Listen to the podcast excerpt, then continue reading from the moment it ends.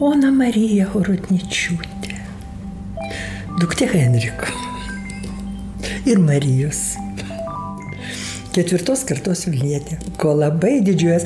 Ir kai, kol dirbau gydų Vilniuje, visada taip prisistatydavau. Esu ketvirtos kartos Vilnietė, mano prosenelis palaidotas Vilniuje. Ir tada viską pasakoju toliau. Ačiū, kad įsijungėte Naro podcastą. Tai yra pirmasis iš trijų garsinių pasakojimų skirtų pažinti Vilniaus miesto istoriją. Vilnius tai miestas, kuris nuolat keisdamasis priemi naujus atvykusius ir prarado ankstesniuosius. Mes, šiandienį Vilniaus gyventojai, retai turime progą išgirsti gyvą senojo miesto pasakojimą. Dauguma lenkiško, rusiško, žydiško Vilniaus prisiminimų nebeegzistuoja šiame mieste. Dauguma lietuviškų prisiminimų siekia tik sovietinio miesto pradžią. Šiame epizode išgirsite senojo miesto prisiminimus. Šį epizodų ciklą iš dalies finansavo Lietuvos kultūros taryba. 97-ais aš pradėjau dirbti gidu. Ir aš supratau, kad tai yra darbas, malonumas už kurį pinigą ir moka. Aš taip iššokau į savo rogės. Man buvo taip gerai, bet aš dirbau ne Lietuvoje, aš dirbau Emiratuose. Nu ir apie Vilnių aš jau grįžau 11, 12. Čia jau nebeįsikabinau, čia buvo labai daug gydų, bet tot vėlgi prisipirkau tų knygų irgi rijau, rijau, rijau, rijau, rijau apie tą Vilnių ir ko nežinau, tai, tai dar sužinojau, nes man tas viskas nu, labai svarbu, bet labai daug apie Vilnių žinai iš, iš tėvų, iš to pasakojimų, iš kasdieninių. Pavyzdžiui, man kitaip nėra ir su seserė prie baltų stulpų. Čia kur basanavičius perina į, į savanorių. Mes nesakom prie gėlių turgelio. Aš dar atsimenu baltus stulpus. Dar aš. Tai buvo? Tai buvo miesto vartai. Tai buvo miesto vartai ir tas, jeigu atvažiuojat nuo Kauno, reiškia, į miesto pusę dešiniai tas žemės namelis, tai buvo muitinė. Ir lygiai toks pat pastatėlis yra Liepkalnio gatvėje. Ten buvo stupai buvo įvažiavimas. Liepkalnio nusileidė ir dešiniai toks žemės, gražus kolono namas. Ir čia balti stulpai jau kai buvo muitinė, aš neatsimenu, bet tėvai labai daug kas buvo iš, iš tėvų sakymo. Šiandien į Vilnių įžengėme pro jau nebeegzistuojančius muitinės vartus. Už jų mus pasitinka trys seno Vilniaus gyventojos - Ona Horodničiūtė, Elena Jurkevičinė ir Kristina Gasinska. Jos yra vienos retų Vilniečių, kurių kelios kartos - tėvai, seneliai, o kartais ir proseneliai yra užaugę šiame mieste Su jumis Martyna Šulskutė ir mano pašnekovi prisimenamas Vilnius. Nu, man tik tai norisi tą, ką aš atsimenu, tą, ką žinau, vaikam dabar dar neįdomu, dar neįdomu, dar nereikia, kad tas viskas liktų vis dėlto, daug, daug, daug to galvoje yra ir daug to širdį yra. Mm. Ir kad tas viskas ne, nesibaigtų, nes baigsis greit. Į Vilnių tai važiuodavom ilgokai, aš atsimenu. Elenai šiemet sukako 88 metai. Į Vilnių su tėvais jį persikėlė 1939-aisiais. Miestui vėl iš Lenkijos perėjus į Lietuvos rankas. Tačiau iki tol čia jau gyveno Elenos senelis. Per vieną dieną atvažiuodavom į Vilnių, nes, na, nu, kažkur apie 50-60 gal kilometrų, aš nežinau, gal 65 nuo Želvos maždaug iki Vilniaus. Tai pailsėdavom pas, biški sustodavom pas Gedraičiuose, tada paberžiai sustodavom ir tada jau vakare pasiekdavom Vilnių. Pas senelį. Taip, pas senelį atvažiuodavom. Mano senelis jis save laikė Lenkų, Lietuvos Lenkų. Nu, ir jo tėvai, reiškia, lenkai buvo. Tai jisai lenkiškai kalbėdavo. Nu, toks jis buvo, jis buvo lenkas, bet jis buvo labai tolerantiškas. Ir kada jis vedė mano bobutę, reiškia, graužinytę Domicelę Palevičinę būsimą, tai buvo susitarimas graužinių, kad vaikai būtų auginami lietuviškai. Ir jisai dėl šito, reiškia, laikėsi žodžio ir jis nesikišo į babutės auklėjimą. Daryk, kaip tau atrodo, kaip tau reikia, dalyvauk visur, kur tu nori ir kadangi jin irgi buvo veikėja Vilniuje tokia jau žinoma, tai, žodžiu, visi vaikai lankė lietuvišką mokyklą su tėvu kalbėdavo lenkiškai, o šiaip jie visi lietuviai, net geršus lietuviai. Elenos seneliai gyveno lenkiškame Vilniuje. Tuo metu, iki antrojo pasaulinio karo, Vilniuje lietuvių buvo tarp 2 ir 10 procentų, priklauso kurį laikotarpį ir kuriuos duomenys žiūrėsi. Ryški to meto figūra visuomeninėme Vilniaus lietuvių gyvenime buvo Jonas Basanavičius. Čia vis ryšasi tie visi Vilniečiai vienokiais ar kitokiais ir vieni kitus pažinojo ir mhm. vieni su kitais bendravo. Ir babutė mano anksti mirė, nes jį, reiškia, kaip Basinavičius mirė, ji buvo organizatorė laidotuvių ir buvo labai šalta diena ir jinai peršalo ir kažkaip ant inkstų puolė, ten kažkas su inkstais atsitiko ir po metų lygiai jinai mirė, kaip ir Basinavičius 16 vasarį. Kristina Gasinska. Ką daugiau? Mhm. Visus duomenys gimimo? Ne, nebūtina. Bet e, kada gimėt, galit pasakyti. Gimiau 40 metais Vilniuje. Mhm. Krikštita Rapolovo čia yra paveiks Rapolo bažnyčiai. Bet aš jau gimiau, jau buvo Vilnius Lietuvai priklausė. Jūs gimėt lenkiškos šeimos? Taip. Ir tėvas, ir mama. Nu, iš... nu, Vil, Vilniečiai, mama tiesa ne Vilnietė, Nu, čia 30 km nu, iš kaimo mama, 30 km nuo Vilnius. O tėvas Vilnietis, nu tėvai Vilniečiai buvo proseneliai. Tai taip nutiko, kad e, jūs jau pati matėt tik tai lietuvišką Vilnių, kad lenkiško Vilniaus jūs pati nebematėt. Ne. Ne. Nu, laikė karo, ten vis tiek keitėsi, tai vokiečiai buvo atėję, tai rusai, tai, bet aš buvau maža, aš nieko aišku neprisimenu. Ir tėvas buvo, nu, kirpėjas, turėjo kirpyklą. Aš išaugau Šnipiškių rajone, Ten, jeigu žinot Gedraičių gatvę, dabar ją restauravo, jinai tokia graži. Ir ten vienintelis yra trijų, keturių aukštų namas toks, o ten visi tokie buvo mediniai namukai. Nu, bet... Ten toks mūrinis yra Taip, mūrinis, jo mūrinis dabar ten jis restauruotas. Tėvas turėjo irgi kirpyklą, pirmam aukšte kirpyklą ir draugas turėjo fot, fotoatelję, o gyvename antram aukšte. Nulaikė karo kadangi mama buvo iš, nu čia Baltarusija, kur dabar beveik stato tą Astravos, pastatė jo Astravos elektrinę, karą praleidau aš su mama ten.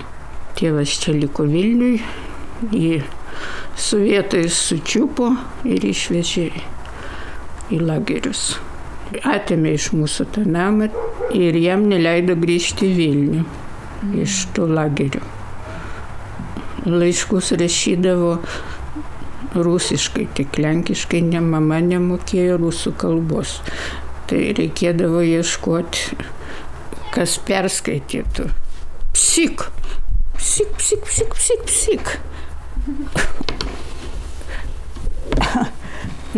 Taip, kad kai tėvas buvo išvežtas, mama, ką mes turėjom ten brangiausius indus, įrankius, auksą mama vež, veždavo, eidavo į kaimus iš Vilniaus čia rajoninė, tai Maišiogalą prisimenu, paskui, nu, nu gana toli net. Įkeisdavo į maistą, į lašinius ten ir ką, į miltus ir siūsdavo tėvui siuntinius. Taip, kad mes likom tokie, nu, pliki, galima sakyti, po, po to. Ir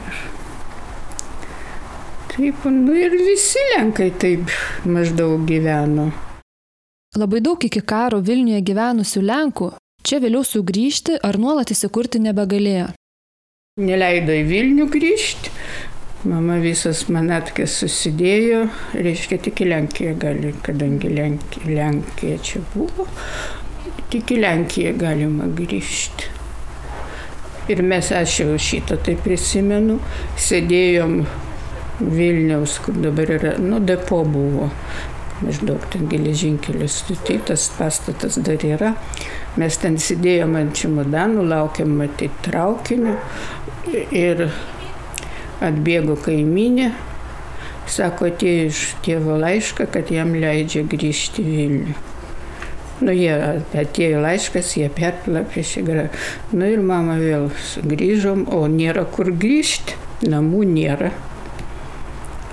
Taip, kad gerai ten krikšto mama davė mums būtų savo, pati nusipirko namą ten, nu tai va taip ir aš šnipiškėse atsidūriau. ir taip. Pasakodama savo šeimos atsiradimo Vilniuje istoriją, Ona mus nukelia dar toliau į praeitį. Ji kalba apie laiką iškart po pirmojo pasaulinio karo, kai Vilnių ėmė grįžti Rusijoje gyvenę Vilniečiai. Tarp jų buvo ir daug lietuvių. Mamos tėvelis buvo kariškis. Jis dalyvavo Rusų japonų kare. Ir jis buvo sužeistas. Ir ten dar buvo tokia istorija, kad jam norėjo amputuoti koją. Frontiniai ligoniniai. Bet tą dieną atvežė sunkesnių, kitą dieną atvežė sunkesnių, trečią dieną atvežė sunkesnių, paskui žiūrėjau, kad tos kojos amputuoti nebereikia. Ir tos kojos jam neamputavo. Ir jisai, kodėl jis nutūpo Novgorodė, mes taip ir nesuprantam, bet jis sugrįžo į Lietuvą, apsiženijo Lietuvaitė ir įsivežė tenai. Į tą Novgorodą. Gimė vienas vaikas mirė, antras gimė mirė, trečias gimė mirė ir tada dar penki. Ir tada jie vėl galimybę grįžti į Lietuvą, varė į Lietuvą, juos uždarė karantinę. Jie neturėjo utelių ir neturėjo šiltinės, jie buvo sveiki, bet buvo karantinas, uždarė karantiną. Visi septyni susirgo ir kai vaikai atsipaipelio, sužinojo, kad tėvų nėra, tėvai palaidoti. Abu tėvai mirė. Abu tėvai mirė. Ir, ir rasuose tas kapas, kur mes vaikštom, kur seneliai, tai ten yra gal 3 procentai tikimybės, kad tai yra jų laidojo kaip dabar šitoj Brazilijoje. Bendra dobė ir guldė, nuo šiltinės tiek mirė žmonių tada Vilniuje. Ir tada jie jau, kada jau atsikėlė, kada jau kažką suprato, tada pradėjo aiškintis, kur laidojo maždaug tom dienom. Nu, va čia kažkur tai. Va čia kažkur tai jie pasidarė kapą, pasida, pasistatė koplytstulpį ir taip ir turim po šiai dienai. Bet tokios istorijos. Ir jie jau lietuviškai kalbėjo. Jie kalbėjo rusiškai. Ir vaikai kalbėjo rusiškai. Taip, jau Lietuvoje čia pateko į, į šitos vis tiek lietuvių tautybė, pateko į tos bendrabučius, mm. o šios vartų bendrabutėje buvo mama. Ir Vileišienė tada šelpė tokias gal gabesnės mergaitės. Padėdavo, išskirdavo biškim, mokino, mokino gražaus elgesio, mokino, mokino stalo serviravimo, Mokino kaip sėdėti prie stalo, mokino kaip valgyti. Nors gal jis suprato, kad didesnė pusė tų mergaičių baigs keletą klasių ir eis tarnaitį dirbti. Bet vis tiek bazę, pagrindą jį davė visiems. O jūsų mama ne, nenuėjo tarnaitį? Mama, ne, mama buvo pirma lietuvė įstojusi į Vilnius universitetą. Klimka taip pat atknyso, nežinau, Libertas Klimka. Jo knygoje yra, kad, kad mama buvo pirma lietuvaitė įstojusi į Stepano Batoro universitetą. Medicina. Taip. Bet mama vėlai baigė, mama vos net 30 metų baigė, nes reikėdavo biški padirbti, niekas nieko nedavė. Niekas nieko nedavė, niekas nerėmė. Onos mama lietuviškai prakalbo ir tapo lietuviškos bendruomenės Vilniuje dalimi, ugdoma aktyvios Vilniaus lietuvių labdarės Emilijos Vileišienės. Tačiau Ona papasakoja visai kitokią savo tėčio lietuviškumo istoriją. Tėčio mama namuose lenkiškai kalbėjo. Ir tėtis staiga nusprendė, kad jis bus lietuvis. Ir jis išvažiavo pas motinos brolį Apolinarą Opulskį, pirmąjį Lietuvos esperantininką. Apolinaras Opulskis, kuris buvo mokytojas Kaune, jis išvažiavo į Kauną lietuviškai mokytis. Ir priėmė visą tą kryžių, juk Lenkų būdamas Vilnius būtų turėjęs nuostabų gyvenimą. O čia išstojo Vytauto didžiojo gimnazija ir tas buvo prisėmė ant savo galvos kryžių. Stumdomas, niekinamas ir taip toliau. Bet vat, kažkas tai ir tie, žinai, kaip aš sakau, perėję į tikėjimą, tai jie dar yra aršesni. Dar aršesni. Taip dažnai būna. Mūsų pašnekovių Vilniuje susiduria skirtingų tautybių, kalbų ir kultūrų keliai. Nutolė žydiško Vilnius prisiminimai, įtampa tarp lenkiško ir lietuviško Vilniaus, nuoskaudos, visą tai išgirsite tolesnėme pasakojime. O Onos, Kristinos ir Elenos fotografijas pamatykite Nara LT tinklalapyje. Gedraičių gatvėje, ge, ge, Gedraičių gatvėje gyveno. Tai šnipiškės. Čia. Taip, šnipiškės. Mhm. Ir, ir ten, reiškia, vat, Gedraičių, aš gyvenau, kampas Gedraičių daugeliškių namas buvo mhm. vienas senelio, o už kokių gal 50 metrų kitas namas buvo. Ir ten buvo jau ir ūkiniai pastatai, ir senelis laikė arklius, ir, ir, ir karvę laikė, ar vieną ar dvi, než, neatsimenu šito, bet buvo ten ir keulių, nu, žodžiu, darbininkus jisai laikė ir arklėjams buvo reikalingi važinėti po Vilnių su rogiam arba brikeliais važinėdavo. Ir vežti į turgų daržovės. Ir veždavo su tokiais platformos, tokie vežimai buvo kaip platforma Ir ant tos platformos gražiai dėžėse sukrauta ridikėliai, salotos, vagonėliai ir viską į kalvarijų turgų veždavo. Kiekvieną rytą. Ir plus senelis dar sodininkystė užsijėmė, bet jis augino um, sodinukus.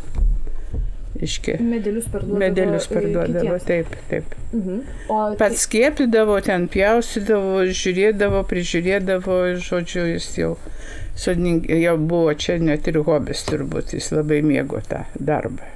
Mhm. Ir labai mėgo tvarką, kadangi kaip Vokietijoje mokėsi, jie labai tvarkingi. Tai, mm, žodžiu, jis tiesiog negalėjo pakesti, jeigu kur nors yra žolė ne vietoj, nenupjauta, neišravėta.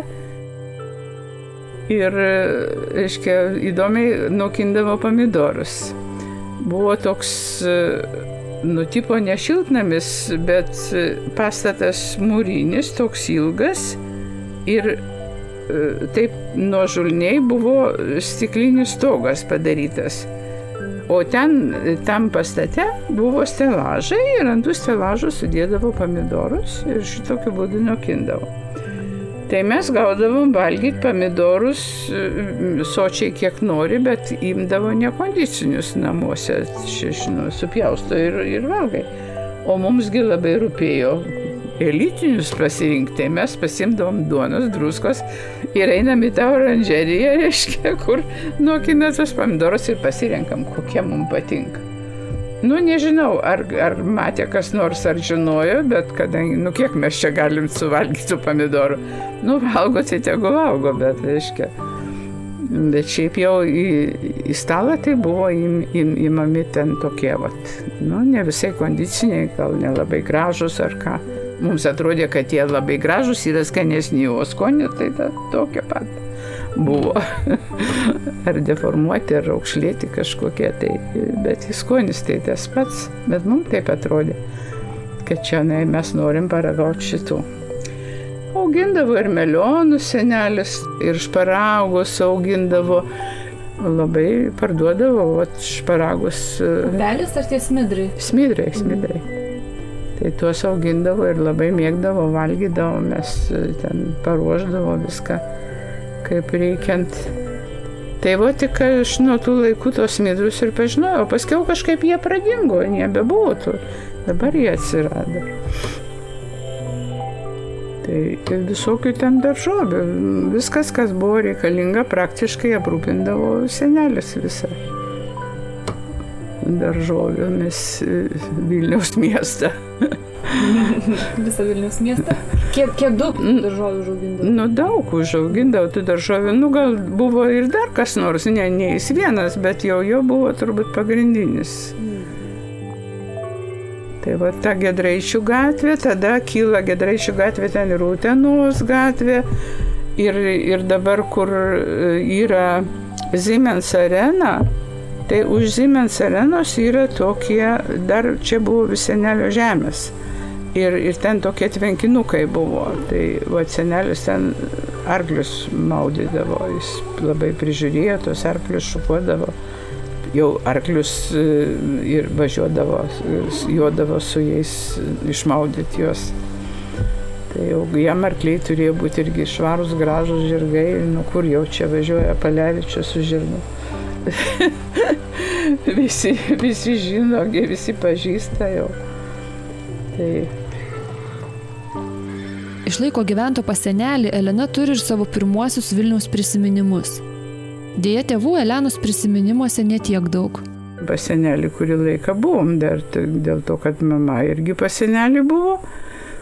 Nu, jin jau visai sirgo ir jinai gyveno jau mm, praktiškai gulėjo, da, da, mažai vaikščiojo, daugiau gulėjo, tai ligoniniai būdavo, tai vėl namie guli, žodžiu. Vilniui ligoniai. Vilniui tuberkulioziniai, nes mama buvo plaučių džiova turėjo. O kaip mama susirgo? Mama, taip, visi man sako, kad mama užsikrėtė nuo tėvelio. O tėvelis mano buvo mm, savanoris lakūnas ir jie skrido lėktuvu, kai buvo mūšiai su Lenkais. Jų pašovė lėktuvą ir jie nusileido pelkiai dviese. Ir toj pelkiai jie tą lėktuvą ar sudegino liktai ir patys, reiškia, pasislėpė ir jie girdėjo, kaip Lenkai vaikšto ir ieško jų.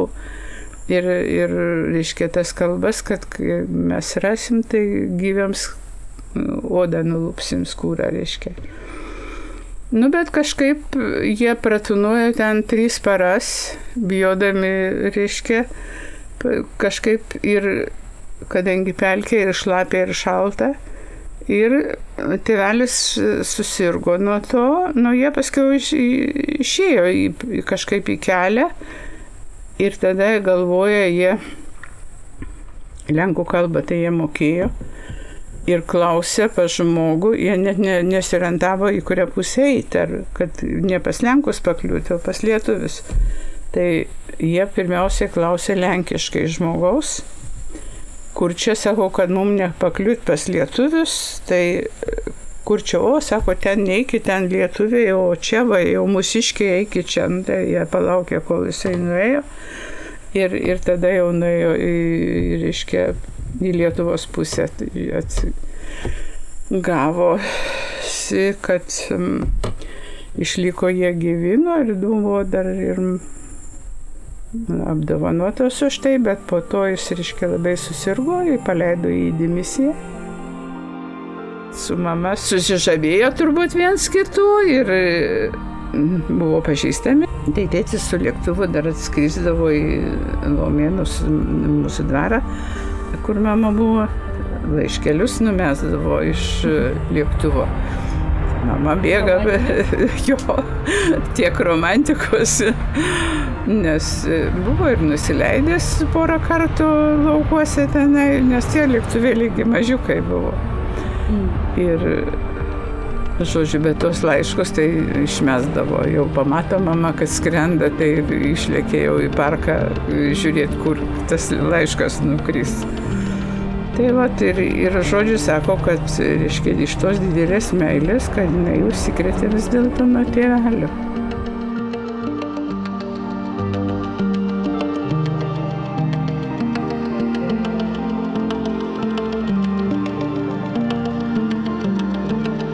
Ir pokario mieste išlaikyti sveikatą ne visada buvo paprasta. Kaip sveiko po lygos prisimena ir Kristina ir, ir užra, mane einu į Lenkų mokyklą.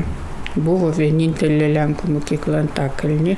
Tai pirmą klasę nuėjau, paskui labai pirmą baigiau, antroji klasė susirgau labai, pliuritas buvo, taip kad pasilikau antriems metams, mama ten mane iš mirties patalo beveik ištraukė. Žinot, kaip po karo ten 50 metais, kas ten labai gydytojai gal ir negal, neturėjo tiek galimybę nugydė. Nu, nu ir paskui priešais tą Rapalovo bažnyčią atidarė Lenkų mokyklą.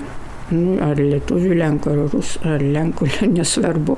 Ir aš prasimokiau keturis metus tokioj maiš, maiš, bet visi ten vaikai buvo lenkai. Mm. Nu, paskui tą lenkų mokyklą perkelė ten kažkur Ukmergės gatvę. Ir šitos Lenkų mokyklos padarė Lietuvių mokyklą.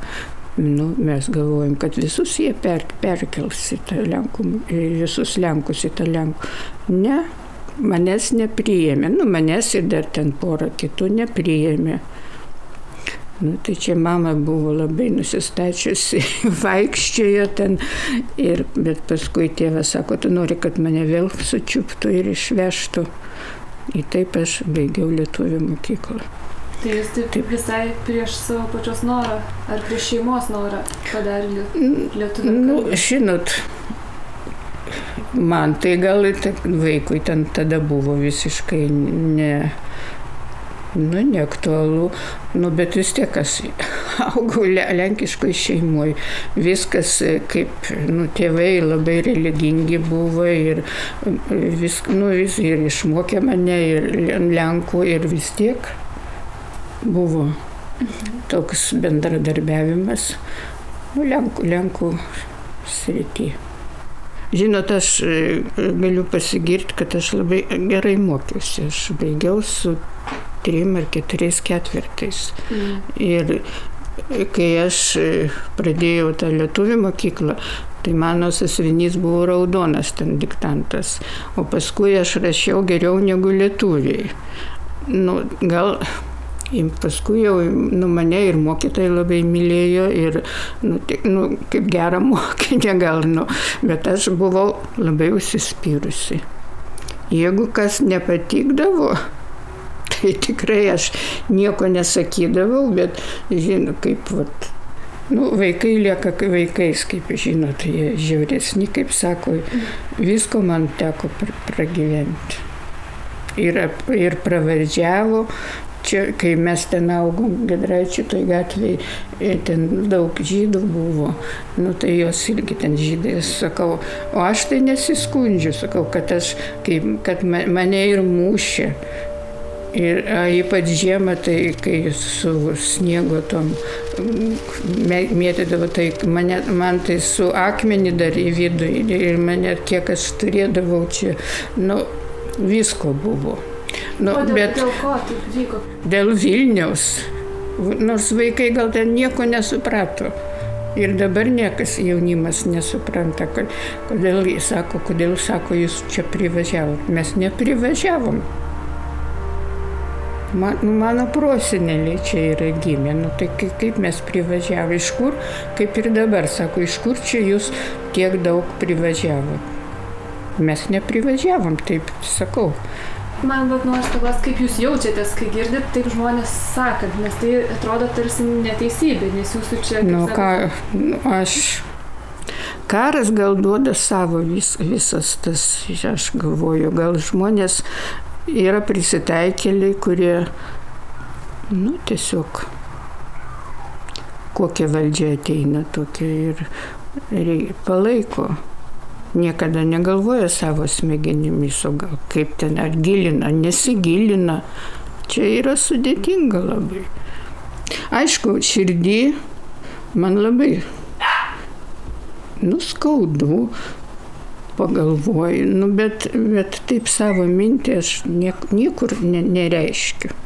Tos tokios ne, ne, nepasitikėjimo ar neapyk, nežinau kaip pasakyti. Nu, čia Vilniaus kraštas gal taip, taip turi nuo istorinių laikų, taip nuo senų laikų susiklosti, nu taip turi būti gal. Taip, kad tokie reikalai. Mhm. Sakot, taip turi būti, kaip turi būti. Nu, kad va tokia tarp lietuvių ir lenkų yra neapykanta, nors dabar aš jau matau, kad jaunimas lietuvių daugiau domisi jau istorija. Nes anksčiau tai, ne, mano laikais tai visiškai nebuvo. Jūs čia privažiavę, prie kur, palikit už tą, tą Lietuvą ir viskas. Dabar aš žiūriu, kad nu, santykiai jau ir jaunimas, nu ne visi gal aišku, bet domisi istorija tą ir, ir supranta, kad čia taip turėjo būti ir taip yra. Taip, įleisiu aš tą šuniuką, nes jisai, jisai, aš leisiu pakeisiu principą. Labai mielas tas šuniukas, bet... Nu, koč, koč. Ticho. Ticho. Куки. Хоч, хоч, хоч, хоч. Хоч, пані, добра. Добра, пані, ну. Ну. Добра, пані. Ну. Ой. Kristina labai kompanijska, jinai mėgsta. No, no, no. Sit, sit. Dobra pani, wszystko. Sit.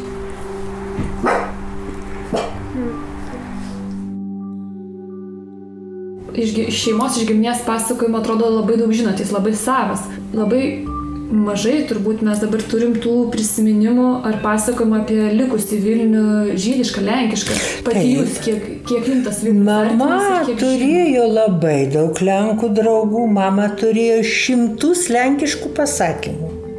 Aš tų lenkiškų patarlių, kto ma vysit neutonė, supranti, kam lepta būti pagartam, tas nenuskęs. Comai pernik du vitraku, čia jau belarusiškai. Palauk. Baigėsi ciganski veselė bez marcipanov. Apsės čigoniškos vestuvės ir be marcipanų. Ir kai kažko su kažko, tai mes ilgai svarstėm, nu kas tai yra tie marcipanai. Aš sakydavau, tai yra taip, be ko apsės šitą čigoniškos vestuvės. Ir daugybė va, tų, tų lenkiškų pasakymų su žydais, žydai yra labai dėkingi. Žydai yra toli žvelgiantis ir turėti ryšį su daktaru Horodinčianė labai gerai. Ir jeigu jau kartą pas ją pakliuvo, tai žydai būdavo dėkingiausi. Pas mus daugumoje atveju per Velykas būdavo lydeka arba karpis farširuotas, kurį atneždavo kažkokią žydę. Mamai dovanų.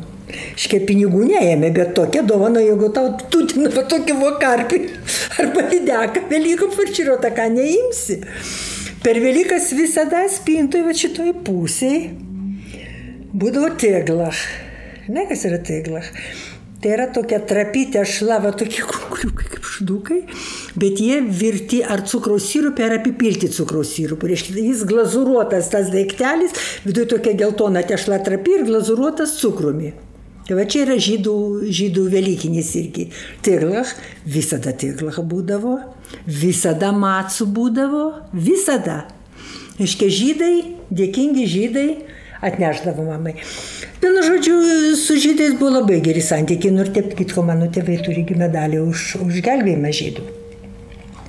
Mama slėpė čia, šitam kambarį, slėpė savo profesorių Abramovičių. Okulistą. Tai visą tą papasakojo, tėvai nepasakojo, papasakojo jo dukterėčia. Ta viską reiškia paskelbė, užrašė tos visus duomenys ir tėvai po mirties buvo apdovanoti šito medaliu, aš jį atsijėmiau. Jo tėvai buvo po mirties. Tai mes tik rūtą geriau atsimenu ir sesė mano keturiais metais vyresnė, kad liktai naktį yra mačiusi kažkas tai iš to kambarį tualetą eina. O tualetas kaip buvo, taip ir, bet čia mes pakeitėm iš pilnamio, bet ten mažytė babudytė buvo tualetukas. Škirūta yra mačiusi, kaip, kaip jis naktį išlepsendavo į tualetą. Taip visą dieną čia uždarytas. Aš jo nemačiau, mums negalima buvo žiūrėti, bet gal aš ir nesimenu dievė, aš 41 be gimimo, ką aš galiu atsiminti.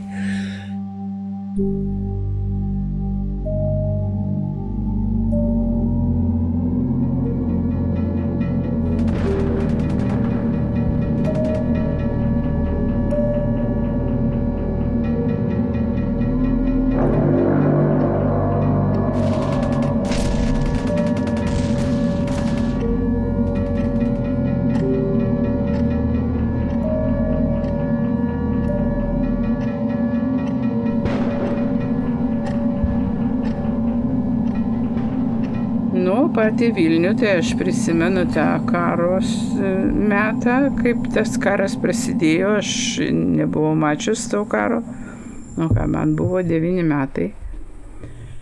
Ir įspūdis man liko toks, kad, reiškia, daugeliškių tai buvo sekmadienis liktai, man atrodo.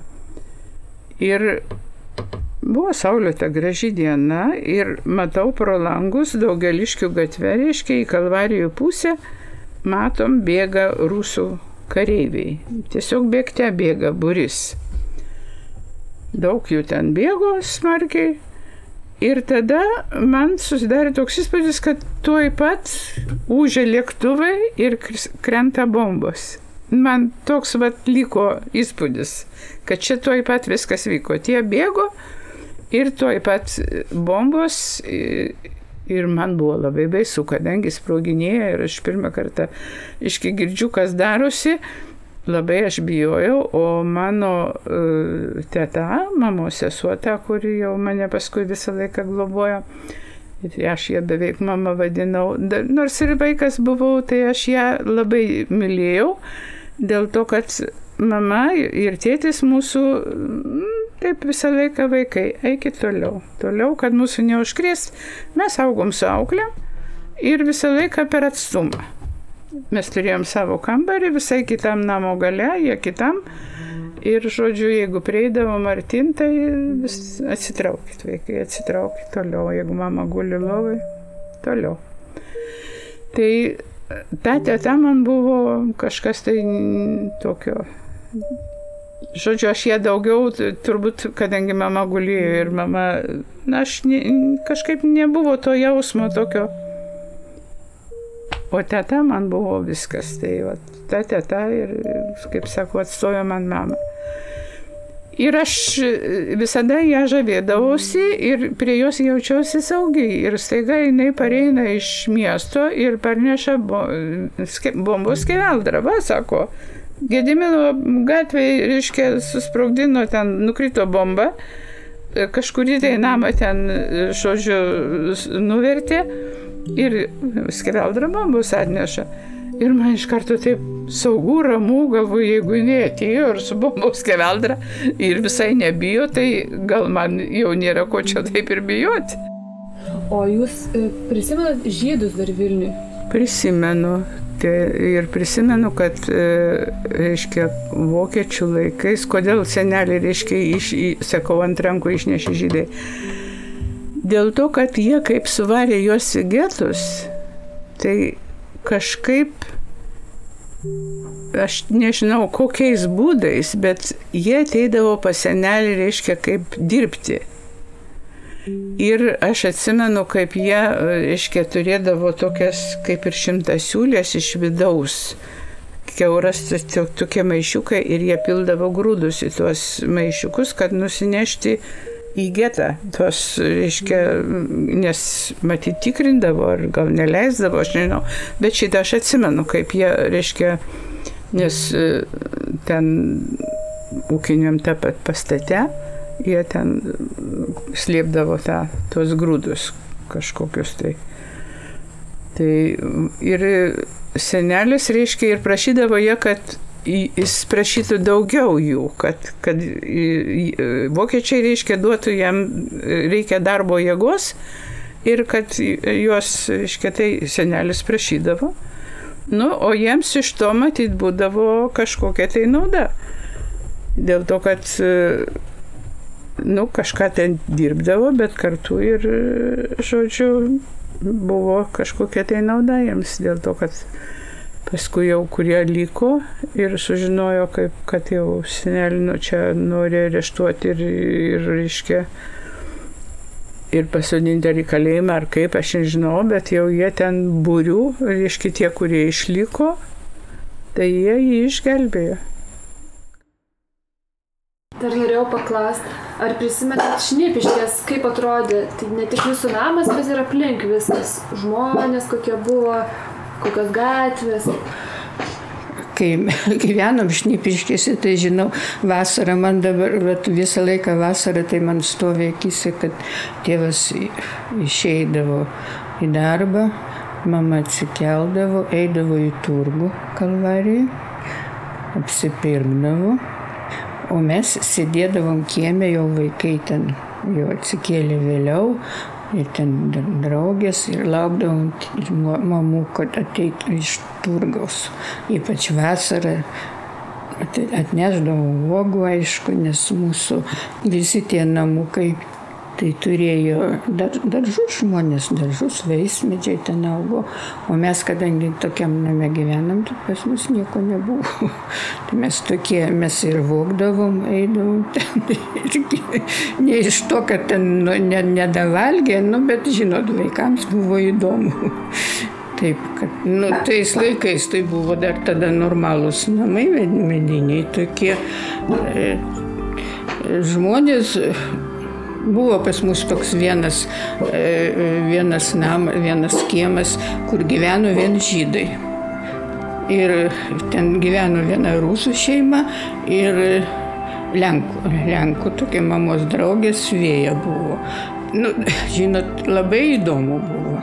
Žinai, į tos žydus, į tą kiemą nueini, nu kiekviena tauta vis tiek turi savo e, ypatybių kažkokiu, nu, taip, kad Nu, bet mes gyvenam visi labai gerai. Nu.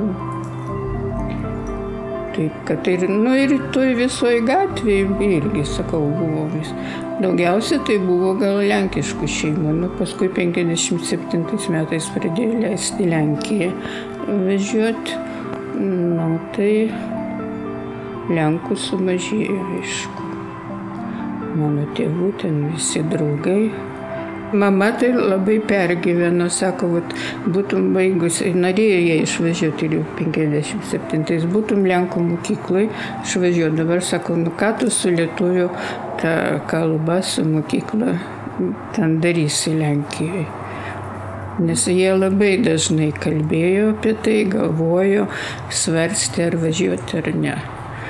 Ir, ir liko. Dar norėjau paklausti apie e, jūsų tėtį ir mamą, ar jie pasakodavo jum apie tą Vilnių prieš karą. Ką, ką jie pasakodavo, ką atsimenat iš jų pasakojimų? O žinot ką, kaip tėvas buvo išvežtas, čia nu, tragedija buvo šeimoje ir iš viso visiems, kurios jie labai bijojo ką nors pasakyti, ką nors ką. Ir Aš gal irgi tokia buvau žiopla, nelabai klausinėjau. Paskui jau, kai jau neteko, taip, mamos jau, paskui man dėjo viešpadė, kiek jinai prakentėjo, kiek aš kažkaip nelabai, nu į tai gilinausi. Nu, bet aišku, pasakojo, pasakojo, kaip eidavo į kalvariją čia tą mūsų. Ir su draugais po, po to kryžiaus to kelio, susiten miškelį pasidarydavo pikniką tokį su buterbrodais, su, sako, ateidavo čigoniukės, tokios šokdavo, dainuodavo. Nu, vat, tais laikais buvo tokios pramogos, žinot, nebuvo. Teatras buvo tas vienas, nu, tas Reduta, kuri irgi ten aktoriai buvo atvažiavę irgi ir iš Lenkijos. Nu, taip, žinot, paprasti žmonės. O kaip šventės atrodydavo, kas padarydavo šventę? Mano, mano mama labai gera šeimininkė buvo, labai. Ir stalas visą laiką lūždavo ir dabar tradicija pas mus irgi Velykos ar Kalėdos, tai pas mus irgi. Ir, nu, dainuodavom, dainuodavom liaudiškas dainas. Nu, liaudiškas ir tas tokias populiarios, kurios tuo, tuo laiku būdavo. O prisimenat kažkokias dainas dabar? Nu, aišku. Prisimenu, kaip kad Ot, Marčios, nu, jinai irgi, nu, irgi Vilnietė mama, Tai jinai irgi nustebusi, sako, kaip, sako, pas mus tai niekas nedainuoja, nedainavo. O kokia mėgstamiausia daina? Oi, visos. Visos. Tai, tai aš tik dabar, va, kai man vyro nėra jau penki metai, tai jis labai irgi mėgėjas buvo dainuoti. Ir jo mėgstamiausia, tai aš visą laiką e, prisimenu ir kai tik ten su, dabar susirinkam, tai sakau, padainuokit e, tokią karinę irgi dainą Červoną makiną Monte Casino. Tokia, nu, apie kareivius, kai Monte Casino, žinot, kaip ten žuvo Lenkų kariai. Taip, tai nu, jis labai, labai šitą dainą graži, labai melodinga ir tokia širdį grėbinti.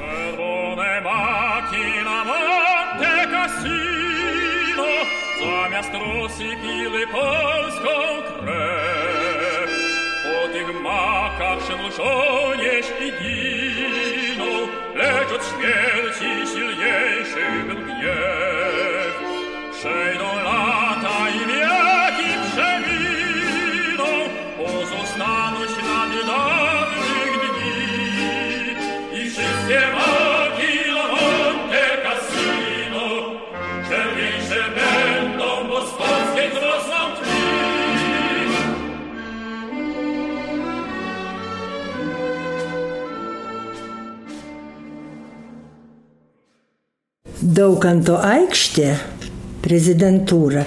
Va šitas namas dabar gražintas universitetui. Taip? O ten gyveno tėčio mama. Ir tėtis iki ženatvės ten gyveno. Tai kai būdavo sezono uždarimas operos teatre, rodydavo, tada vadinamo Kutuzovo aikštė, tėvai vadino Napoleono aikštė, nie kita, niekada nepasakė Kutuzovo, rodydavo įdą. Buvo prie tos kolonados pritaikytos, negirdėt šito, dekoracijos, o Jėzus kokia būdavo įspūdinga dyda. Kokia įspūdinga ir būdavo sezono uždarimas tenai.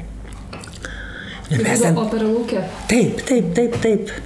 Reiškia, scenos giluma yra prezidentūra. Mm. O taip kaip ta trikampė aikštė, tai čia va scena, reiškia, už scenos prezidentūra. O mes čia ant lango sėdėm ir žiūrim ir bilietų pirkti Aš nežinau, iš kur aš turėjau to laiko, reiškia, salomeikiai, muzikalkiai aš mokiau septynmetį ir dar ir klavau. Ir šitą sofą kitų perdengimų stovėjo, ten buvo tėtuko kambarys. Ir aš dar turėdavau laiko įsisukus į sofos kampelį klausyti operų. Tai pavyzdžiui, traviatos aš tekstą visą moku rusiškai.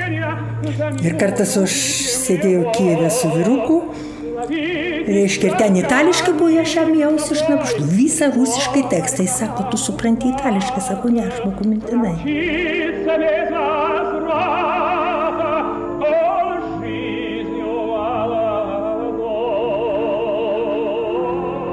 Ir taip pat nebūdavo tų, tų pamaldų, kaip dabar sėdima prieš tą televizorių.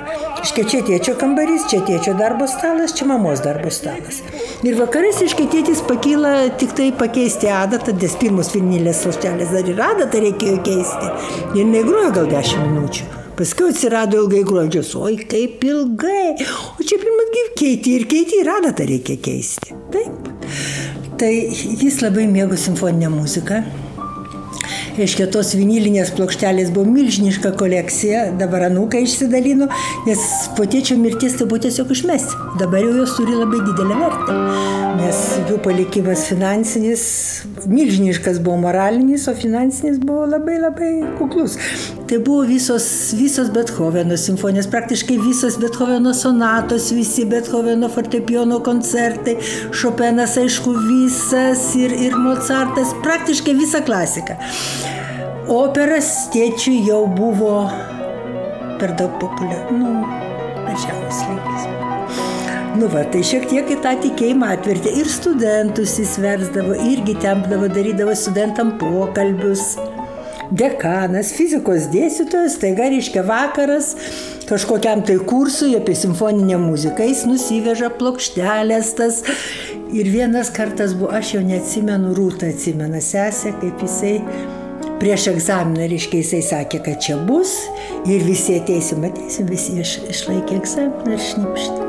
O tėtis su rogutėm, tą grojiką.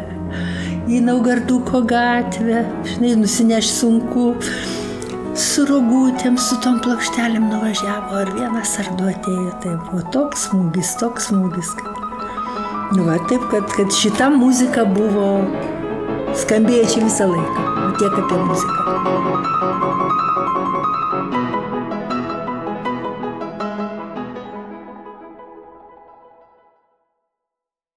Mokykla pradinė, tai mūsų buvo pati pirmoji, tai buvo prie Bernardinų sodo. Ten, jeigu eiti e, iš Barbaros Radvilaitės, reiškia, dešiniai pusiai, prie pat yra dviejų aukštų toks nedidelis pastatas geltonas. Ten buvo mokykla, pradinės klasės aš ten ėjau ir mane nuvedė į tą mokyklą, parodė ir sako, nu, pataikysi kaip atei, taip, aš pais ir paleido mane ir aš einu į tą mokyklą ir pasiklydau. Pasiklydau ir vaikštau, vaikštau, nu, priejau katedros aikštę ir nebežinau, kur toliau eiti. Nu, va, susisuko galva.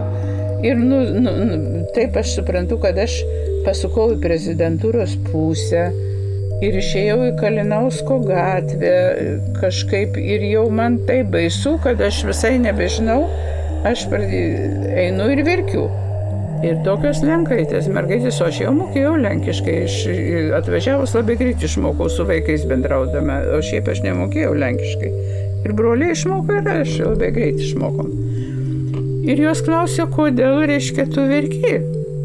Sakau, aš nerandu, kaip pareiti. Žodžiu, jau, jau išklaidžiau labai ilgai. Ir jos dabar tarpusavį kalba, kad jos mane palydės, o kur tu gyveni? Nu, sakau, mane tik prie cerkvės, aiškiai, Kalvarijų gatvėje, kad jau nuveskit mane prie tos cerkvės ir aš jau žinosiu, kaip pareiti. Gerai, sako, mes tave palydėsim. Ir mes pereiname žalį tiltą ir jos nutarė, kad diena buvo graži kad dar pasidėsim ant krantinės, žinai, prie upės. Nu ir aš sėdžiu su jais, kalbam, jau čia visai vakaras ateina. Ir dabar jos, reiškia, lydi mane, atveda į kitos cerkvės. Ir aš nebežinau ir toliau kaip eiti. Jau visai man striokas, kad aš jau nebežinau ir nusek nuo tos cerkvės kaip pareiti, nors čia patgi tik paini ir daugeliškių gatvės suki.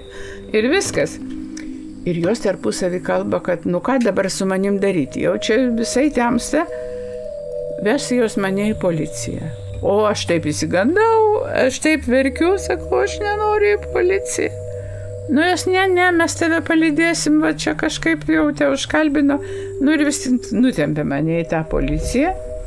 Ir dabar policininkas, reiškia, jau susi, kažkaip tai Aš nežinau, aš, ar, ar aš adresą žinojau ar ne, bet gal aš senelio pavardę pasakiau, ar, nu, žodžiu, kad jis jau žinojo, kur, kur aš gyvenu. Ir jisai dabar lydi mane, veda mane už, už rankos, reiškia, iki vartelių priveda. Tai aš sakau, tai dabar ačiū, sakau, aš jau dabar namuose. Tai ne, ne, sakau, aš jau palydėsiu iki ir su mama pakalbėsiu. O man jau nesinorėjo, galvoju, tai mane čia, žinai, bars ar ką, nu, ten kurgi skandalas, kur dingo vaikas, gal buvo ir pranešta, kad, kad nėra, nepareina, reiškia, dingo mergaitė. Tai va, tai jis pasakė, kažkaip ten pakalbėjo su mama ir, ir paliko ir teta buvo tada ir kažkaip, žodžiu, nieks manęs ten labai nei, nei barė, nei ką, bet daugiau jau dar kartą matyti palydėjo ir paskui aš vis tiek eidavau, pieščiai eidavau iš tos Gedraičių gatvės iki tos mokyklos, pieščiai.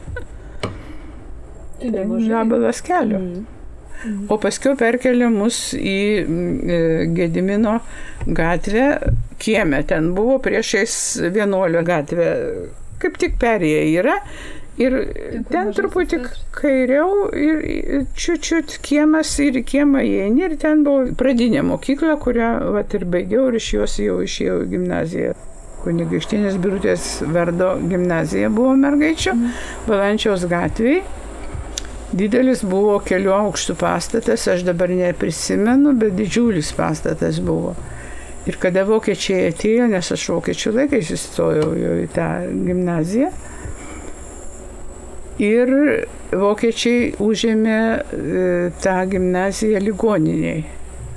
Jie pametė ją ligoninę, o mus iškėlė į Švento Ignoto buvusią, tada jau pavadintą Garelio gatvę, priešais Ignoto bažnyčią į vienuolyną. Į vienuolyną patalpas. Kadangi tai buvo vienuolynas, Ir vienuolino patalpos, reiškia, tokios labai įdomios buvo. Tokie koridoriai eina ir klasės, klasės koridoriai, O iš šitos pusės nuošulniai ėjo stogas ir žemiau tas kraštas, reiškia. Tas koridorius buvo toks va. Viena pusė aukščiau, o kita pusė taip eina. Ir tuose sienose, reiškia, vat, kažkiek tai vis kažkur buvo durelės tokios. Mums buvo labai įdomu, kas ten per durelės. Aišku, atidarai tas durelės ir matai, kad ten tuščia, reiškia, gali eiti.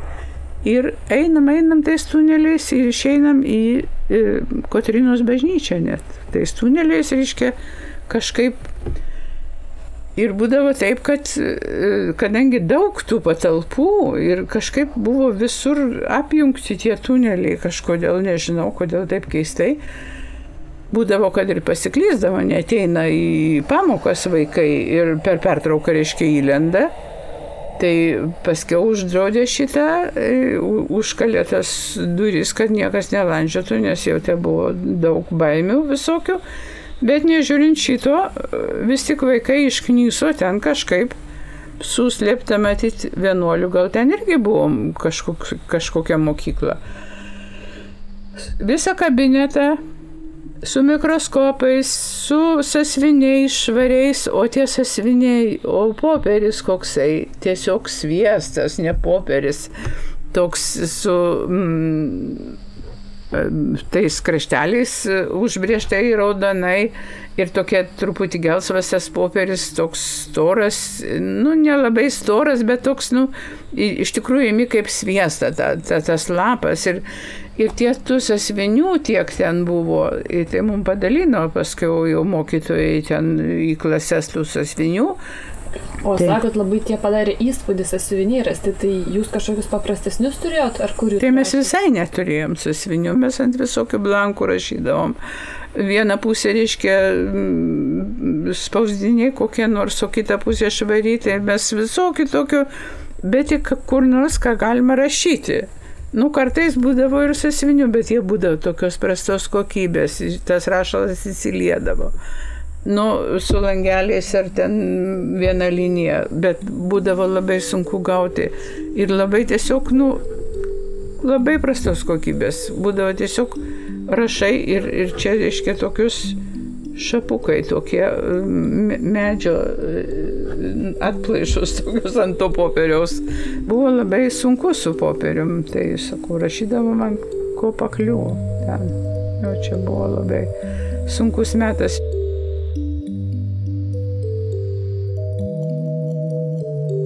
Mokykla Salomėjagi buvo benediktinių vienuolynė.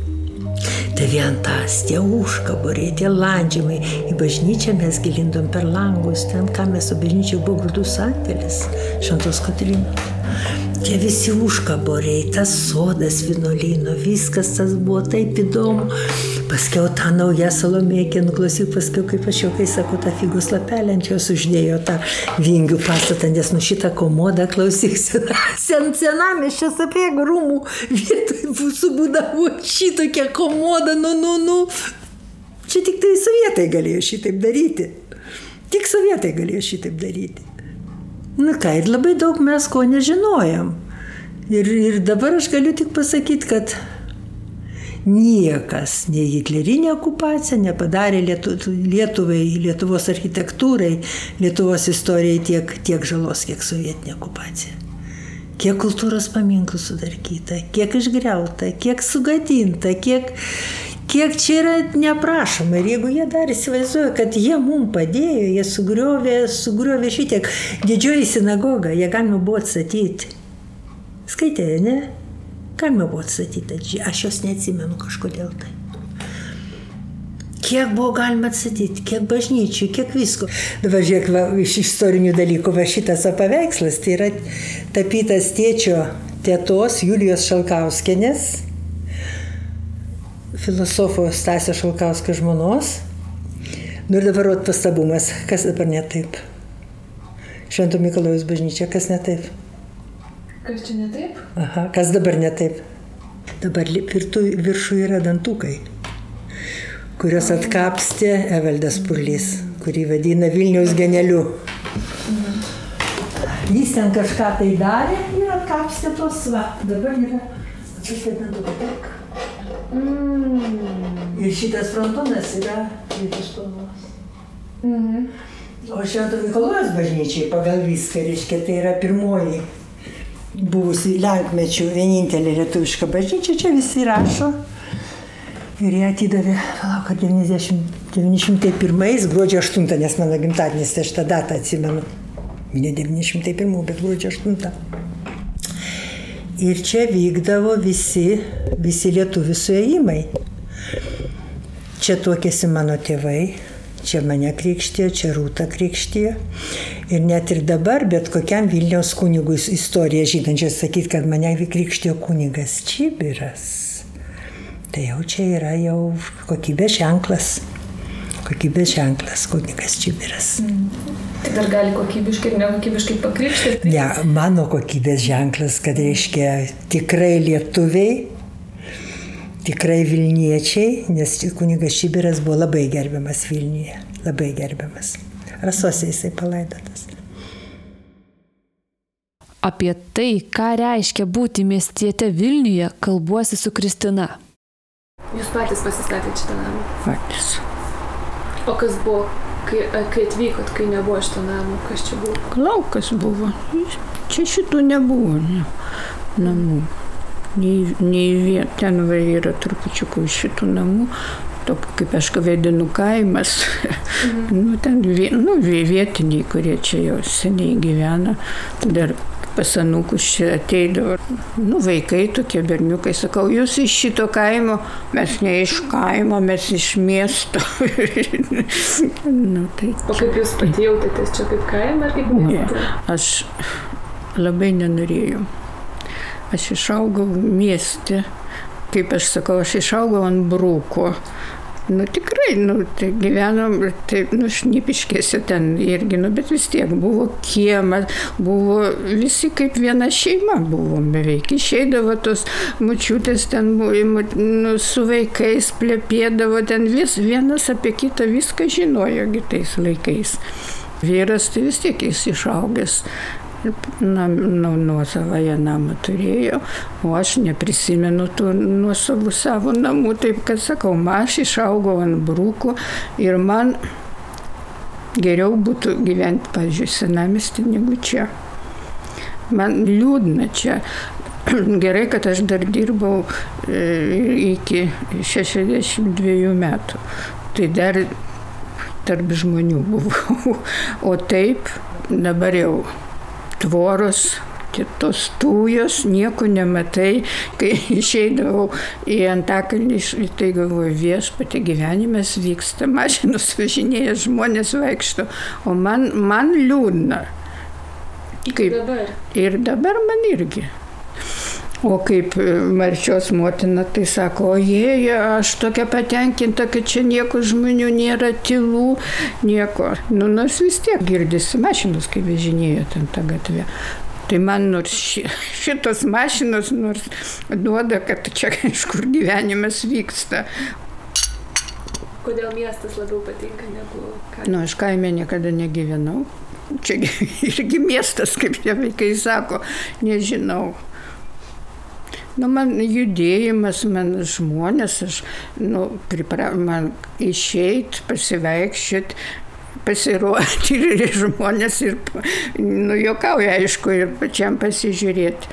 Žinot, gal todėl, kad e, kai jaunystė, nu, paauglys, nu, jaunystė, kai nebuvo, kur šokius, aišku, vaikščiodavom, e, ten, kur Bet taip, tai nėra ką daryti nuo vakarais, ten tada dar televizoriaus nelabai, nelabai visi turėjo. Tai prospektų būdavo mes vaikščiodavom. Pasivaikščiojimai tokie ir kavalieriai kibindavo, ir taip susipažindavom ir taip, nu va tokia buvo pramoga tiesiog. Taip, kad man sakau, man taip daug, daugiau patinka tarp žmonių būti. Nu, man gražu, aš dabar va, einu po miestą, žiūriu, kaip pasikeitė viešpat, kai sūnus vežioja, aš negaliu jau atpažinti. Ar negazdina jūsų, kad keičiasi taip greit? Sako, gerai, kad keičiasi, turi keisti, turi keistis.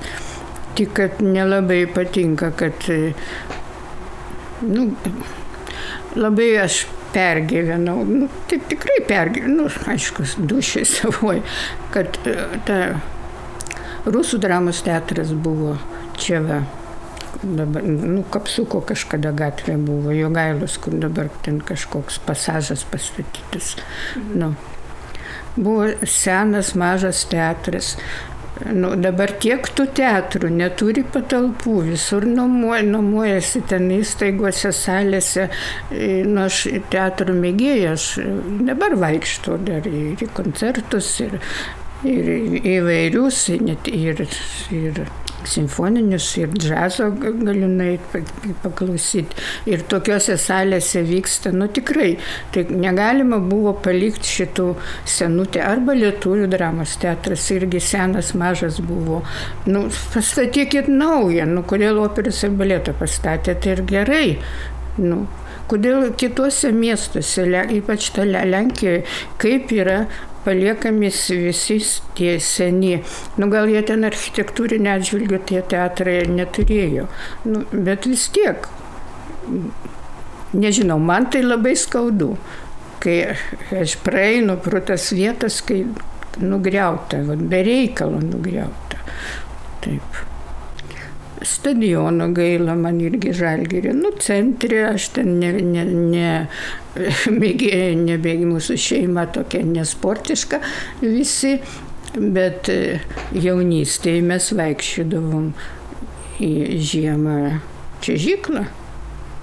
Tai buvo įdomu, buvo taip muzika groja, čiučiuoši ir aišku, ir su vyr, vyrais kavalierių ten padeda ir krenti.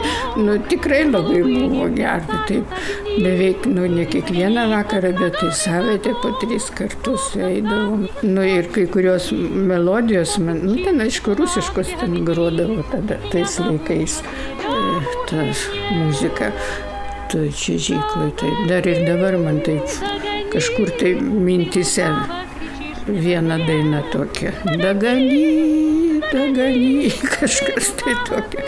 Taip. Dar anukas buvo toks nedidelis, tai Akropolį nuėjau su juo. A ne Akropolį, o Ažolino gatvė ten toj, ten į tą Ти полісся на полегші, почука. Да, да, не,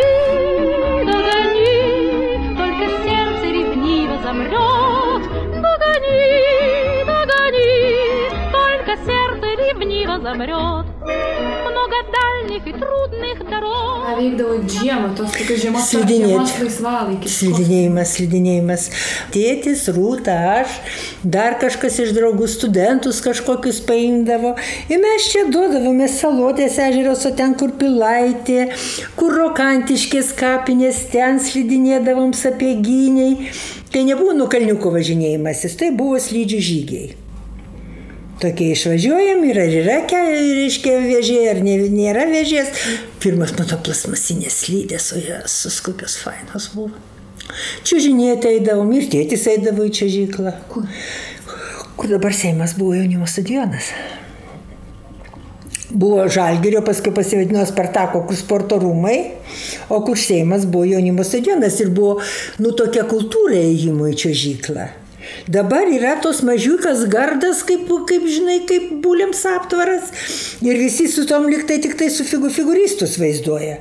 O ten būdavo, reiškia, keli su figūrinėm, pagrindė su dūtišais, o paprastom, o aš peilius turėjau.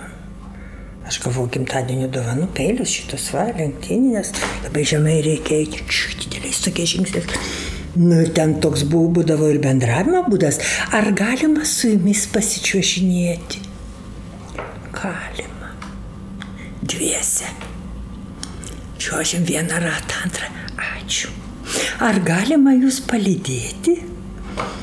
Tai ne taip, kaip, nu aš nesakau, aišku, nėra taip, kad, kad mes skaitom, kad dabar viskas supuvė, bet, bet viskas tas buvo kitaip. Viskas buvo kitaip. Bet čia žygla ne tas, reiškia, susipažinimo, mano pirmas kavalieris buvo čia žyglos. Tiesa, nepasibučiavom, bet daug vakarų čia žinėjom kartu ir palidėdavo kitur. Tai buvo susipažinimo vieta. Ir susi bendravimo, ir tas pasportavimas, ir tėtis eidavo į čia žyklą, ir pasportavimas, bet būdavo ir susipažinimo jaunimui.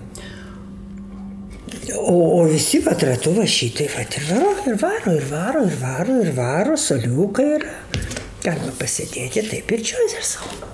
Muzika groja? Groja, groja ir būdavo ne visas ratas, tik bėgimo takas išpiltas. Stadiono bėgimo takas išpiltas. Paskui buvo irklavimas, mano gal keturi ar penki metai praėjo trakuose. Ir tėvai mokėjo irklavimą. Ir bazė ta, kuri buvo šita ant kampo Vilnelės nėrė santaka. Tai ten apačiai buvo ėlingai, o viršui buvo rūbinė, nu va ir irklojam. Irklojam, dviejų kilometrų trasa buvo nuo, paskiau vėl atstatė tiltą. Šilo tiltas, ten buvo dviejų kilometrų riba. Kartais plaukdavom iki Velakampį, leisdavo išeiti į pležą, o dar aukščiau buvo, ai, prieš Velakampis buvo Karvių pležas, taip vadinosi. Nes karvės ėjo maudytis? ar- Taip, Karvių pležas buvo. Ir tuo metu karvės maudėsi ten. Taip, Atsimenat? taip, atsimenu. O prisiminimas labai gražus. Sėdžiu, reiškia, mano vienvietė kažkur paismėlį įkišta ir noriu plaukti per nerį. Bet ten, o ten negilų, negilų, ir gal penki metrai, tik bet stiprios srovės. Ir aš ten taip plaudinėjau, plaudinėjau, prieina prie manęs vyrukas, jau kaip dievas jaunas figūra, Stasys Krasauskas, kraselis. Tai kam irgi bijai, nuvėjau, nuplaukiau. Tai nuplaukėm, anoj pusėje buvo tokie rastai, kaip krantinė, tokie slydus, pasėdėjom, pasėdėjom, aišku, jis manęs nemergino, nekibino. Ir kiek jis už mane, gal 10 metų vyresnis, nežinau kilintų, bet man tas liko, kad aš su kraseliu plaukiau per nerį, tai ir turistam pasakoju šitą. Kaip mane kraselis per nerį vedė.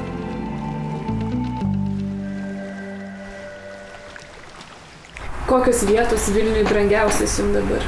Mieliausios? Nu, aišku, aušros vartai. Į, taip, jeigu iš tokių, nu, patriotinių ar ne, nu, katedra, nu, man senas miestas Vilnius visas yra brangus. Aš nega, negalėčiau išvažiuoti. Nu jau dabar tai aišku amžius, tas gal jau kitaip mąstyčiau. Nu jau to, mąstau, kad tokiam amžiui aišku neišvažiuosiu. Bet ir jaunystėje aš nepalikčiau Vilnius. Aš turėjau e, kavalierių Mask, nu, iš Maskarusas, Maskvos, iš Maskvos. Sakau, aš ištekėsiu ir išvažiuosiu ir nematysit jūs viešpatė, mama susirgo. Ir aš žinau, kad aš pati neišvažiuosiu, ypač man Maskva tai taip nepatinka. Nepatiko dabar, tai aš nežinau, gal dabar tai to labiau turbūt nepatiktų. Bet į Lenkiją negalėčiau gyventi. Nepatinka Lenkijoje, nors esu į Lenkiją, bet Lenkijoje tikrai negalėčiau gyventi. Mentalitetas ne tas kaip pas mus, Le- Lenkų, tų, tų vietinių ten. Nu, mano miestas yra Vilnius, matyt. Taip, aš skait, skaitau, skaitau, kad taip. Rasų kapinės, aišku, mačiutės ten palaidotus. Ir su tėvu eidavomės pirmo lapkričio ar antro lapkričio prie Pilsudskio ten, žinot, nu kapo, nak, vakare, na, aišku, ten nak, naktis gal nebuvo. Tai, nu ir Mūsų porą kartų, aš ten nedažnai, ten mano tėvas irgi toks nelabai buvo politinis, bet vai, vaikydavo, reikėdavo bėgti, slėptis. Žinot, kai tėvą išvežė, jo nebuvo, bet ateidavo dar pas mus naktį porą naktų. Nu, kvedistai turbūt darydavo da, kratą, kai aš buvau, gal prabudau, tai buvo pas mus tas, kaip čia, lietuviškai pamiršau, nu figūrėlė, nu tik iki pusės tokia, nu, biustas, mažytė iš bronzos buvo Pilšūtskė. Ta, figu, ta biustas ir Adomo Mickevičius. Ir aš nežinau, ko jie ieškojo, tada tie inkvadistai naktį klausė pas mamą, kto je to takoje. Мама сака, так наши поэты. А, ну хорошо. Nu, o tai jeigu pasakytų, kad ten Pilsudskio gerai, kad matyti jauni dar ten tie kareiviukai, kokie ten buvo, ne, nu, nežinia, pažinojo, nu, ir paliko. Taip, tai būtų, aišku, paėmė arba ir mama sučiupė. Skulptūros ant katedros. Man tėtis rodė, kur buvo šalygatvio plyta įlūžusi, kaip nutempė jas. Aš paskui pakeitė, bet aš tą plytą mačiau, kaip įlūžo plytą, tempiant tankams tas skulptūras. Katedros skulptūros. Katedra. Vaikų darželis didžiosios sinagogos vietoj. Ne. Vokiečių gatvė, dešinė pusė taip, kairė soliteris ne. Ir kiek aš žinau, ten galima buvo atstatyti, aš tą jau viską kaip gydas žinau. Žodžiu, dešinė pusė, jeigu eini į aušos vartus, taip, dešinė pusė viskas tvarkoja, ne? O kairė buvo darbo galima atstatyti. Galima daugą, bet atėjo direktyva очистить город от развалин. Jie atčistili. Ką reikėjo, ką reikėjo greuti, ką nereikėjo greuti, viską nugriovė, nugriovė, nugriovė, nugriovė. Dar ašgi ėjau, aš vaikščiau muzikos mokyklą, dabar ten, kur dvarionų. Tai aš vienu įpų pro tą, pro tą vokiečių gatvę pralėkdavau. Dar ten buvo grįvėsiai. Lėkdavo kaip kulka. Nes ten buvo taip baisu. Į tą vietą, kur stikliai, kur viskas su botagūniai varysi patamsė. Buvo tokie šabarkštynai, tokie žirkinai, tokie baisinai. Ir kad tai dabar tapo, nu prašau, gavosi, nu, saldaniukai, saldaniukai, tie stikliai. O pats miestas ar labai pasikeitė nuo tada? Labai, nes buvo labai sugriauta daug kur Vilniuje. Mus mokyklas organizuodavo rinkti tos griuvėsius, plytas, išrankioti, o Tauro kalną vedė mus apsodinti eglaitėm turbūt, atvežė sodinukų ir parodė mums, kaip sodinti. Ir tą visą Tauro kalną, reiškia, visi mokiniai sodino tas eglaitės. Ir ateina, patraukia tą eglaitę ir ištraukia. Negerai pasodinot, reikia taip pasodinti, kad jos neišaut. Tai mes ką darydavom, jeigu akmenį surandam, tai akmenį prispaudžiam ten, apmindom, jau tada gerai pasodinta, bet taip tos neprigijo. Dirbom visą dieną ir, ir žuvo kažkaip tos visos eglaitės. Daug Vilnius labai pasikeitė, nepaprastai. Labai daug atstatyta, renovuota, nepažinsi, Vilnius visiškai netoks, koks buvo po karo, buvo, labai liūdnai atrodė. Labai daug subombarduotų namų buvo, griuvėsiai visur.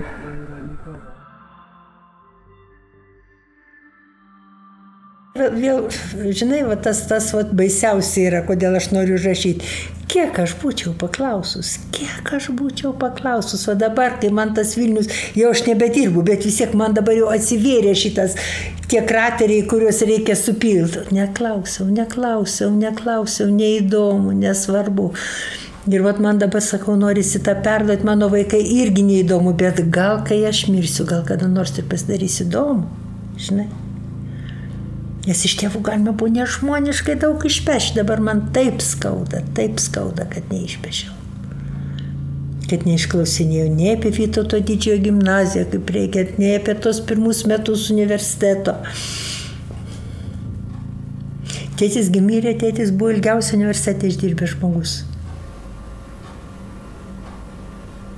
Ir tėtis buvo pašarvotas universitete ir mama. Mama buvo pašarvota baltojoje salėje O tėtis buvo pašarvotas ten, kur dabar kavinė, reiškia didysis kiemas, Sarbėvio, Laukskargos.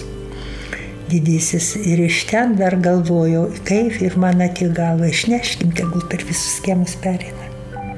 Ir išeina prie prezidentūros. Ir taip tėčio karstai pernešė per Skargos, per Sarbėvijos kiemą. Ir čia tie visi katafalkas čia. Tėtis praėjo dar kartą. O iš kur pas jūs šeimoje tas orumas toksai, nes ir apie save kalbėdama, ir apie tėtį, gal net ir apie mamą, jaučiasi, kad svarbus yra tas toks orumo bruožas. Kaip galvoti, iš kur jis atsirado? Iš tėvų. Tik iš tėvų. Tik iš tėvų. Ir dar iš to, kad mes matėm, ypač tėvam mirus ir šiaip matėm, kaip jūs gerbė kiti žmonės. Ir tada, tada pradedi galvoti, tai mano tėvai ir aš, aš irgi kažką. Ne tai, kad aš kažką reiškiu, bet aš turiu save gerbti.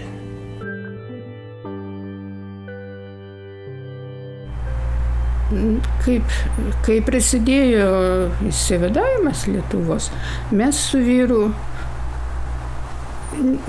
ne tai, kad už Lietuvą ten tokia, bet kad baigtųsi ta rusų okupacija ir rusų ta kalba, ir rusų, nu, iš viso, kad ten, nu, taip, kad nieko prieš lietuvius mes ne, ne, ne, netu, neturim, nors e, su draugais būdavo ir susipykdavom. Su tom pavardėm tai irgi. Man e, irgi, kai ėmiau pasą 16 metų, mano mergautinė pavadė Brodovska. O aš kada sakiau, kad aš jau gimiau Lietuvoje. Jau čia rūpjūčio 3 ar 4 čia buvo Lietuvos, jau atėjo lietuviai, o aš 9. Ir man išdavė, nu dar aš turiu tą to, tokį kažkokį metriką tokią, nu tokį lapelį. Parašyta tėvai, Paulina, tėvas Vladislavas Brodovskiai. Nu, ir viskas. Kilintų metų gimus ir viskas, daugiau nieko neprašyta, ar tu lenkas, ar tu žydas, viskas. Ir nu, su tuo metrikom aš atėjau pasiimti pasą, duoda jis man tą pasą, skaitau Brodovskaitį.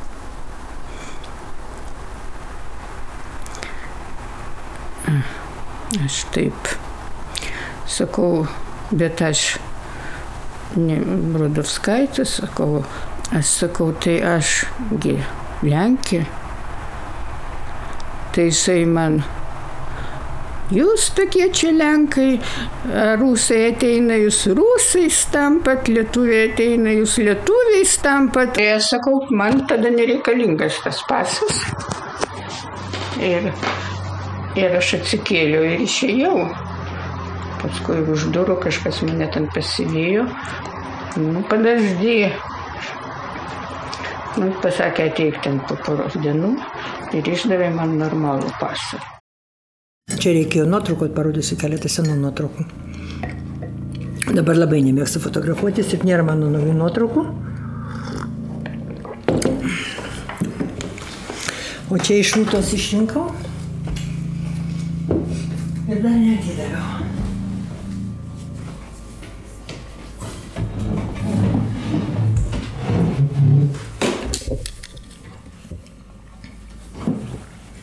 Va, mūsų namo kieme. Sesė, mama, tėtis. Čia va namo kieme iš tos pusės. Mūsų maskvičius. O kas čia ant stogo veždavotės daiktus? Ant stogo kažkas ar baidarės, ar kas sudėdamas va mūsų namas. Žiemą čia tvarelė buvo. Man tą tvorelę pasakė, kad reikia palaižyti, kai šalta. Nu, aš palaižiau tą geležinę, bilžiau, man liežuvis, aš atplėšiau, kraujas bėga, tvorą palyžinau. Ar laiminga buvo jūsų vaikystė? Taip, labai. Labai. Nu, o čia mes va prie mamos gatvės. Nu, va, turi gatvę savo. Turim gatvę. Kur čia jinai yra? Važiuojantis antariškis.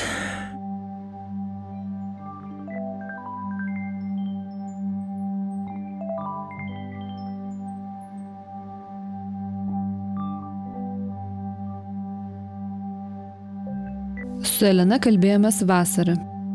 Ja sutikau jos šeimos sodyboje Širvintų rajone. Elena gyvenusi Šnipiškėse, Koštonų gatvėje, Žvėrynė, dabar gyvena Jeruzalės mikrorajone. Aš dabar visai nesenai sužinojau, kad daugelis irgi buvo tai pasitraukusių iš, nu, tėvai arba ištremti, arba kažkaip atsidūrė Vilniuje ir gyveno bendrabutį. Tai tos bendrabučio mergaitės, nu jos tarpusavį bendravo ir jos iš tikrųjų m, tiek berniukai bendrabutį gyveno, tiek, tiek jos ir, ir jie taip skurdžiai gyveno, iš namų atsiveždavo ten kokiu kartais lašinių ar bulvių pusmaišį tai ir būdavo visas maistas. Nu, bet aš tai šito nelabai žinojau, nes mes, tos, kurios Vilnietės, vis, vis, savo namus turim, tai mes tarpusavį ir bendravom. Tai pasirodo, kad šitos bendrabutinės jautė tokią lik ir nuoskaudą, kad mes, nu, lik ir nebendraudavom su jomis, kad mes gal labai pasikėlusios buvom, bet nieko panašaus, mes tiesiog tarpusavį, kadangi viena eina pas namus, kita pas na, iš namų reiškia, nu, kažkaip vat ir pažįstami tie tėvai daugumos buvo, kurie jau Vilniuje gyveno. Visi vieni kitus žinojo, netiek daug čia buvo. Ir, ir nepagalvojo, mes tai va dabar tik tai nesenai viena tokia iš papasakojo iš, iš bendrabučio būtent ir kad jinai mokėsi, labai stengiasi, kad išlipti iš tos dobės. Ir dabar jinai labai to didžiuojasi, iš tikrųjų jinai yra aukštai mokslo baigusi ir važinėjusi ten ir ten, ir jos vaikai mokosi. Ir žodžiu, kad jinai nėra prastesnė kaip mes, o tuo metu jos matyti jautėsi, kad kažkuo tai prastesnės, nors mes taip negalvojam visai. Kristina kalbinau jos name Valakampiuose. Jos Vilnius platus - Šnipiškės, Paupio rajonas, Liepkalnis, Žirmūnai ir galiausiai Valakampiai. Tai rajonas, kuriame užaugo jos vyras ir kuriame jie sukūrė šeimos namus. Apsuptas gamtos ir tolimo automobilių užėsio, Kristinos namas tarsi sujungė visą jos Vilnių. Nu, taip, kad visko, visko praėjom po karo, aišku, buvo, buvo sunku, aišku. Nu ir man taip, dar, nu, trupučiuką tokia iš ant širdgala tokia, nu, kad, nu, kai perėjau į lietuvių mokyklą, kad, kad tyčiasi iš manęs vaikai. Nu, taip, tada tai Aš aišku, tada ir verkdavau, pareidavau iš mokyklos, bet nu, gal taip reikėjo. Taip, nu, taip nu, buvo, buvo nemalonu, aišku. Kiti, kiti, aišku, nekreipdavo dėmesio, kad tu lenkas ar ten koks, nu, bet buvo tokių. Mhm. Vat kaip, kaip ilgam liko tas? Nu, vat tas man jo. Nu, vat, tu matyti ir mirsi su... Aš pykčio neturiu jokio, nu, bet tokia, toks... Taip, kad tai... Vis tiek svarbus tas prieimimo jausmas. Kaip... Nu, taip. Nu, ypač dar tokiam, jau suaugus, tai jau supranti, kad čia gal laikinas ar, nu taip, kiekvienai įsilavinimas ar kas nors kita. O vaikystėje tai šito tai nesupranti. Tiesiog prie, priimi tą kaip grina kraują, kaip kad, kad tokie reikaliukai. Su Ona kalbėjomės jos namuose ant Tauro kalno. Šiame bute ji ir užaugo. Jei epizodą įsijungite pirmą jo publikavimo dieną, galite pasveikinti Oną. Šiandien gruodžio 8 yra jos 80-asis gimtadienis. Dar iš tokių dalykų. Šitam kambarį, išskyrus tą staliuką, nėra nei vieno daikto jaunesnio už mane. Dar tas pintas to. Kaip aš kėdėdavausi, ateina draugės, aš pasės sekcijos. Sekcijos tie surinkami baldai, sekcijos pilnos visokių žaisliukų, žinai, taurelių. O pas mane ta sena indauja, šitas senas stalas, oi gėda. Tėvų rašomieji stalai, seniai spinta tenai, oi gėda. O dabar mano nosis į viršų. Aš taip didžiuojuosi ir aš suprantu, kad jeigu jie va čia gyvens, jinai nieko nekeis, nebent tą sofką permuš, kita, žinai, kitas spalva ir pakeis spiruoklės. Bet šitų baldų niekas tikrai nekeis. Tai yra tikra, tai yra sena.